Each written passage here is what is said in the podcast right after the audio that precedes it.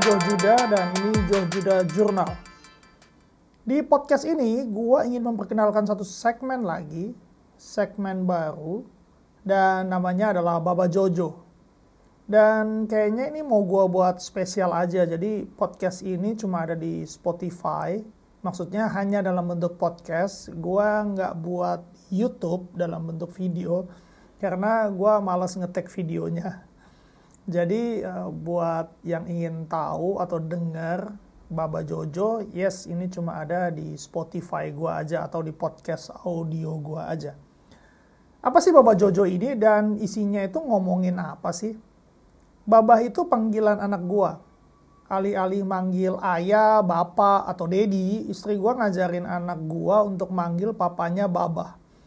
Ini sebenarnya karena dari pertama anak gua baru mulai berceloteh, dia manggil gua Baba. Jadi spellingnya belum sempurna untuk ngomong papa dengan baik. Jadilah keterusan. Sedangkan Jojo adalah nama kedua anak gua, Jonah dan Jolin. Yes, saat ini istri gua sedang hamil anak kedua dan nama dari anak kedua gua adalah Jolin. Jadi Baba Jojo ini kurang lebih artinya adalah papanya Jonah dan Jolin. Nah, isinya mengenai apa ini segmen? Pertama, ngomongin seputar anak, membesarkan anak khususnya dari sisi fatherhoodnya, dari cara pandang seorang ayah. Cuma jangan berekspektasi terlalu tinggi bahwa lu akan dapat tips trik membesarkan anak yang baik misalnya atau bagaimana seorang ayah yang sempurna. Karena mungkin isinya lebih banyak soal curhatan gua lebih uh, lebih banyak soal omelan gua kali. Nah kenapa gua bikin segmen ini Baba Jojo ini? Pertama karena gua melihat sosok ayah memiliki fungsi dan peran yang penting sebenarnya di dalam keluarga di dalam pertumbuhan si anak. Namun sayangnya para ayah itu punya banyak keterbatasan. Khususnya yang pertama itu soal waktu. Yang kedua cara dia mengkomunikasikan pemikiran dia atau perasaan dia. Karena ya namanya laki-laki kadang sering kali canggung ya ketika berbicara soal perasaan atau dari hati ke hati. Sehingga dampaknya itu jadi kecil dirasakan oleh keluarga atau oleh anak-anak mereka. Dan sebagai kepala keluarga, kita sendiri ya sering mendapat banyak tuduhan oleh diri kita sendiri nih. Misalnya perasaan gagal belum menjadi suami yang baik, perasaan gagal belum menjadi ayah yang baik. Karena biasanya bentuk kasih ayah, bentuk perhatian ayah itu semuanya diukur dengan angka. Ini bedanya dengan uh, wanita kali ya. Para pria itu rata-rata karena di drive dengan um, akal mereka, dengan pemikiran logik mereka. Jadi ketika ditanya seberapa sayang uh, mereka terhadap keluarga atau anak-anak mereka biasanya dalam bentuk barang, dalam bentuk materi, dalam bentuk sesuatu yang memang Eh, bisa untuk diukur.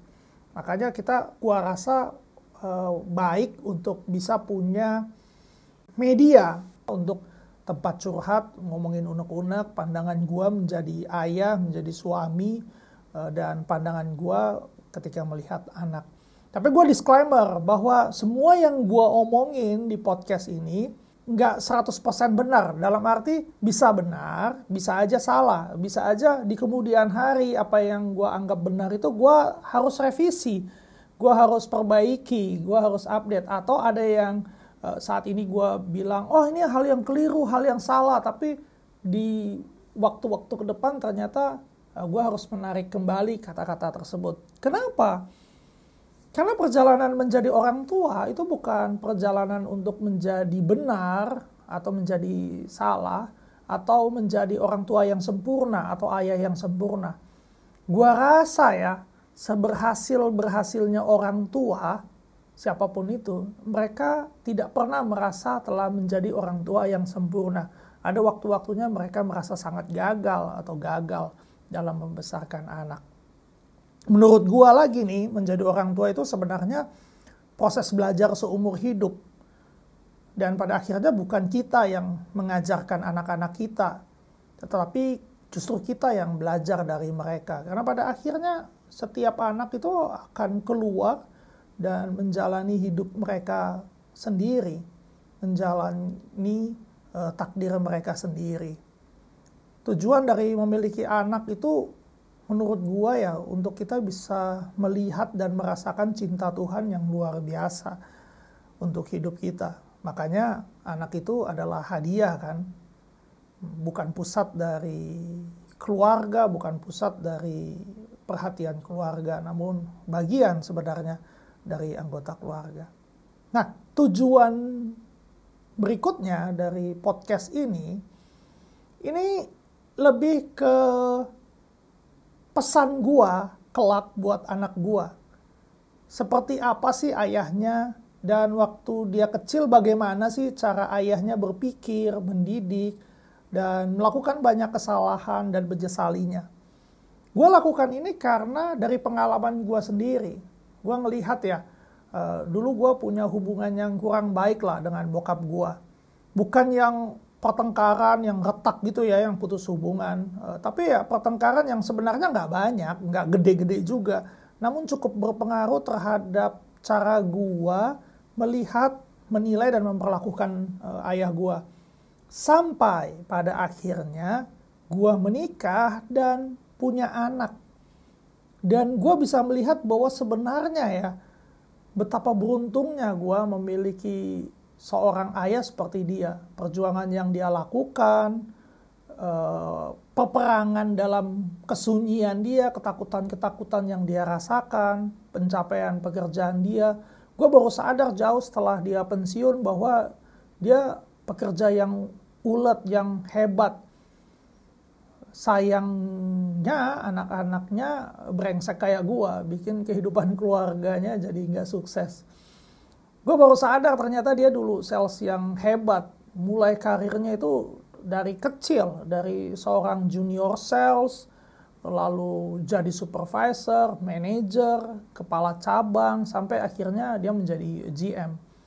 Kalau kisah hidupnya dibukukan atau didokumentasikan mungkin udah bisa jadi motivator-motivator ala-ala seperti yang banyak kita temui saat ini.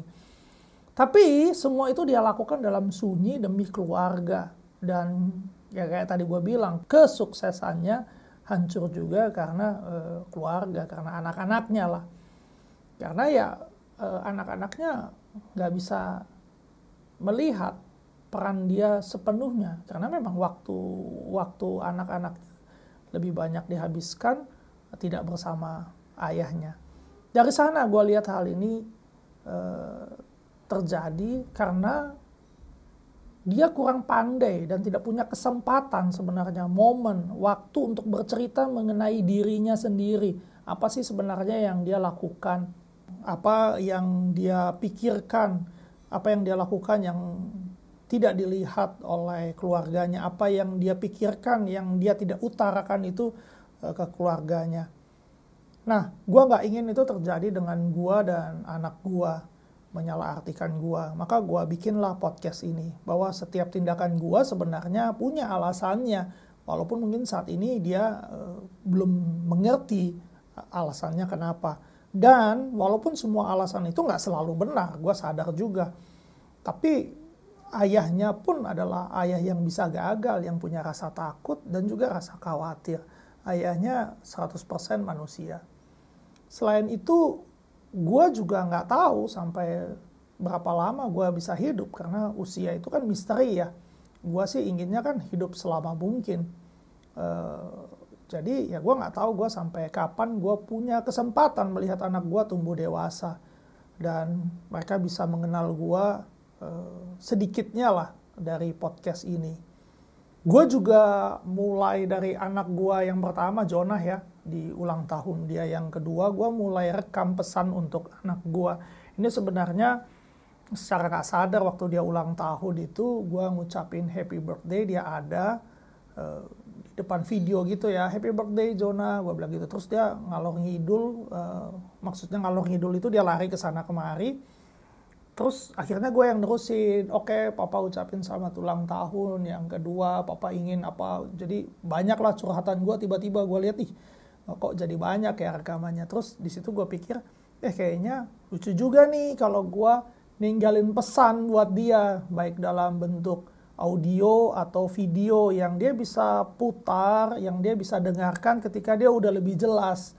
Jadi ada pesan-pesan buat dia ketika dia remaja, ketika dia SMA, menentukan karir misalnya, eh, atau ketika dia mau kuliah, mau memutuskan untuk bekerja di mana, bahkan eh, sampai ngomongin cewek, gue gua pikir ya gue ingin gue bisa ada bersama-sama dengan dia ketika dia uh, melalui waktu-waktu tersebut. Tapi kan kembali lagi usia siapa yang tahu ya itu kan misteri ilahi.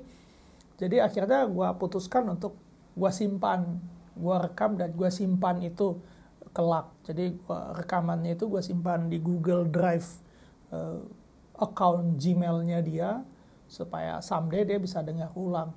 Kalau umur gue panjang, ya gue akan dengarkan itu bersama-sama dengan dia. Namun kalau sampai seandainya gue nggak punya kesempatan itu, umur gue nggak sepanjang itu untuk bersama-sama dengan dia melalui waktu-waktu tersebut, uh, setidaknya gue udah meninggalkan pesan buat dia. Nah, kurang lebih itu itu opening dari segmen Baba Jojo dan untuk kesempatan pertama di segmen ini gua akan sharing mengenai